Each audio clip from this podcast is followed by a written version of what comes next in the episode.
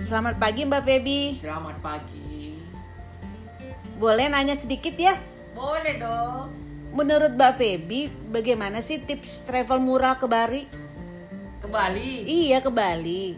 Ya, kalau tips murah ke Bali pertama soal tiket. Kalau tiket, kalau mau murah tentu jangan cari maskapai yang eh, tier 1. Carilah yang memang low cost. Ya tanpa menyebut nama. Maksudnya maskapai tit atau tit. Nah, lalu carilah pada saat weekdays, jangan weekend. Karena terutama misalnya Jumat, Jumat itu penuh penerbangan dari Jakarta ke Bali. Kalau Senin, eh, kalau Minggu atau Senin pagi, sebaliknya dari Bali ke Jakarta dan kota besar. Jadi hindari tiga hari tersebut. Carinya weekdays, terus jamnya juga kalau bisa jamnya yang paling pagi atau yang paling sore. Kedua, eh, untuk murah soal akomodasi dan transportasi sekarang di Bali itu sudah banyak hotel-hotel yang untuk backpackers.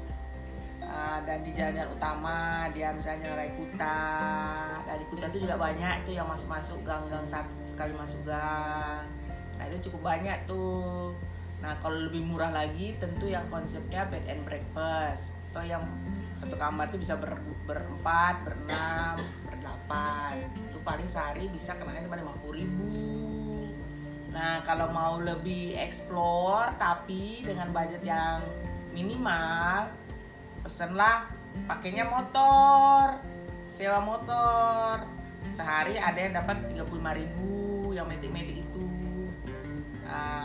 atau kalau misalnya lebih dari empat orang jatuhnya lebih irit kalau menyewa mobil. Karena mobil kalau lepas kunci itu 150.000 tuh. Yang karimun yang kecil-kecil 150.000 kalau motor kan kalau berempat berarti kan berapa? Jadi itu kan kurang lebih sama. Kira-kira begitu. Oh begitu. Makasih Mbak.